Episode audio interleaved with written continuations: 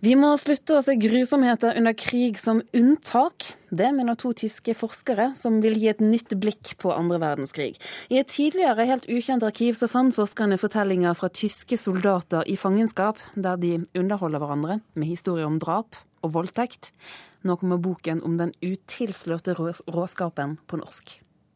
Everybody dreams that he one day might find um, totally new material, totally new documents, which uh, are important. Um, det var en overveldende følelse da den tyske historikeren Sønke Neitzel snublet over de britiske arkivene i 2001. Han skjønte raskt at han satt på en helt unik kilde til innsikt i krigens mentalitet. 150 000 sider med nedskrevne samtaler der tyske soldater fortalte hverandre om sine opplevelser under andre verdenskrig. Nazistene satt i fangenskap hos de allierte, som avlyttet samtalene uten at soldatene var klar over det. Vi har mange fortellinger fra krigen, men de er tilpasset det sivile samfunnet. Når soldatene tror de er alene, er historiene råere. Det har blitt en trang for meg, det å slippe bomber. Det kribler skikkelig. Det er en deilig følelse. Det er like godt som å skyte ned noen. Gleden over å drepe er ubehagelig tilstedeværende. Samtidig er samtalene holdt i en tilforlatelig tone. Ofte nevnes drap og voldtekt bare i forbifarten. Historiene preges av eventyr, spennende kamper og reiseskildringer. Der hvor Don og Donuts renner sammen, der fløy vi mye. Der var jeg overalt. Pent landskap. Jeg har vært over det hele i lastebil. Der så man ikke annet enn kvinner som utførte tvangsarbeid. De anla veier, de dødsvakre jentene. Vi kjørte forbi, halte dem ganske enkelt inn i bilen, la dem ned og slengte dem ut igjen. Og du kan tro de bannet. Det er krigens hverdag som skildres, forklarer Neitzel. It's everyday's life. It's everyday's life talk. When they talk about violence, then it's very interesting because they talk about violence like yeah, bricklayers talk about building a house. It's just absolutely normal for them. De snakker om vold på en helt vanlig måte, som en murer snakker om å bygge et hus, sier Neitzel. They are in a situation where everybody expecting from them that they fight and that they would kill. This is what a soldier should do, especially in a war situation. So, as they are then individuals confronted with a specific task, Den gjengse nazist var ikke drevet av ideologi, men tilpasset seg krigens kontekst, forklarer sosialpsykolog Harald Weltzer. Han er den andre forfatteren av boka Soldater, beretninger om krig, drap og død, som nå kommer på norsk. Vi må slutte å se krigens brutalitet som unntak, sier Weltzer. Krig handler om at individene tilpasser seg jobben de har fått, og begynner å like det å drepe. Violence always does something with the people who are part of a violent situation. And therefore, you have this immediate increase of acceptance of violence and also these aspects of having fun, being violent. Den første dagen virket det hele forferdelig på meg. Da sa jeg shit au, en ordre er en ordre. Andre og tredje dag sa jeg det spiller ingen rolle. Og fjerde dag syntes jeg det var moro. Hvorfor blir soldatene så raskt avstumpet? Fordi krigen legger rammene for en slik mentalitet, mener forfatterne. Alle kan bli drapsmenn, sier Weltzer. I think this is the, the psychological impact of this book. Everybody can do this uh, if you put him in, in a situation like this. Soldatenes fortellinger kan endre vår oppfatning av krig, tror forfatterne. Krig er alltid grusomt, sier Sønke Neitzel. Obviously, there's nothing like the, the argument we put the finger on. Say, if we are going to war, there is brutality. And uh, our argument is you must be aware of that.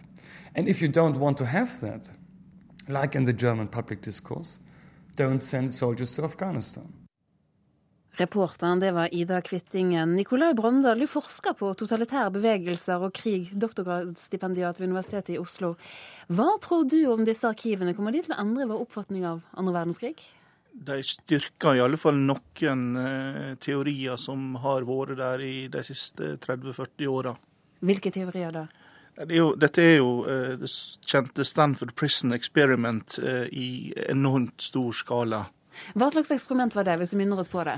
Det var et eksperiment på eliteuniversitetet Stanford gjort av psykologen Philip Zimbardo. Hvor han tok eh, elitestudenter, amerikanske elitestudenter, delte dem inn i to grupper. Ei var fangevoktere, og ei var fanger. Eh, fangevokterne fikk eh, kølle og pilotsolbriller.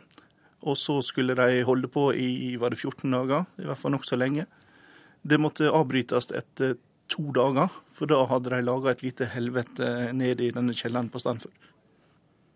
En påstand som blir sagt i reportasjen her, det er at individene tilpasser seg og begynner etter hvert å like det å drepe. Er det noe du kjenner igjen fra din egen forskning? Ja, det er jo eh, Hva skal man si? Dette er jo en ganske grei observasjon. Man tilpasser seg situasjonene, eh, helt åpenbart. Samtidig så uh, dette språket som, som, snak, som de snakker om i, i, boka, at vold blir dagligdags osv., minner jo om det vi har sett på uh, f.eks. den danske dokumentaren 'Armadillo', uh, TV 2 sin dokumentar om norske soldater. Men dette er ikke folk som har blitt massemordere. Det har ikke vært skandinaviske soldater som har begått overgrep på den måten som vi, som vi så hos Wehrmacht under andre verdenskrig. De tyske soldatene? Ja. Dette betyr det at eh, Forfatterne hevder jo at dette er veldig nye funn, men kanskje dette ikke er så nytt som de da hevder? Altså Hvis det, hvis det stemmer, eh, og det, det, er jo et enormt materiale de har brukt, så det er jo god grunn til å tro at man, man må i hvert fall forholde seg til dette her. Så er jo fravær av ideologi som motiverende faktor interessant. Den viktige rolla til det psykososiale miljøet, altså gruppa over der hæren, over der nasjonen og helt på topp Hitler i dette hierarkiet som de setter opp. Og ikke minst hvor hurtig brutaliseringsprosessen. Man har jo alltid visst at det, det er en prosess, man tar steg etter steg etter steg. Og dette har jo Harald Welser sjøl beskrevet i sin forrige bok 'Teter', overgriper på norsk. Men nå sier Welser sjøl at dette her skjer over natta. Det er som å, å slå på en bryter, så går de fra å være normale mennesker til å bli massemordere. Kan det gjelde hvem som helst av oss? Det mener Welser at det kan. Men der er vi jo borti et annet spørsmål. Eh, dette materialet det er 13 000 mennesker. Det er et enormt stort tall. Men det er fortsatt bare så vidt over 1% av den totale tyske fangebefolkninga under andre verdenskrig. Eh, og de er valgt ut av Etterretningstjenesten fordi de mener de er interessante på en eller annen måte. Og i de to britiske fangeleirene så er det offiserer som er valgt ut. I den amerikanske er det litt annerledes. Men det er jo da spørsmål om disse er representative, eller om det er noe spesielt ved dem.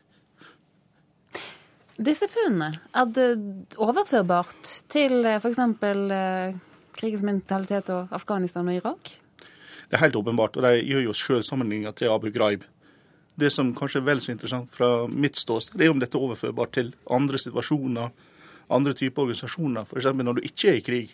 Terroristbevegelser, f.eks. Al Qaida, eh, Bader Meinhof om dette kan brukes til å gi oss en, forståelse både av eh, dynamikken i sånne bevegelser, og vurdere hvor farlig de er, potensialet for, for vold og radikalisering innenfor sånne bevegelser.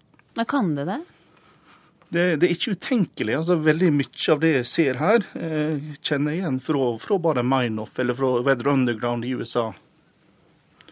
Vi må dessverre sette strek der. Nikolai Brandal, takk for at eh, du var med oss eh, her i Kulturnytt.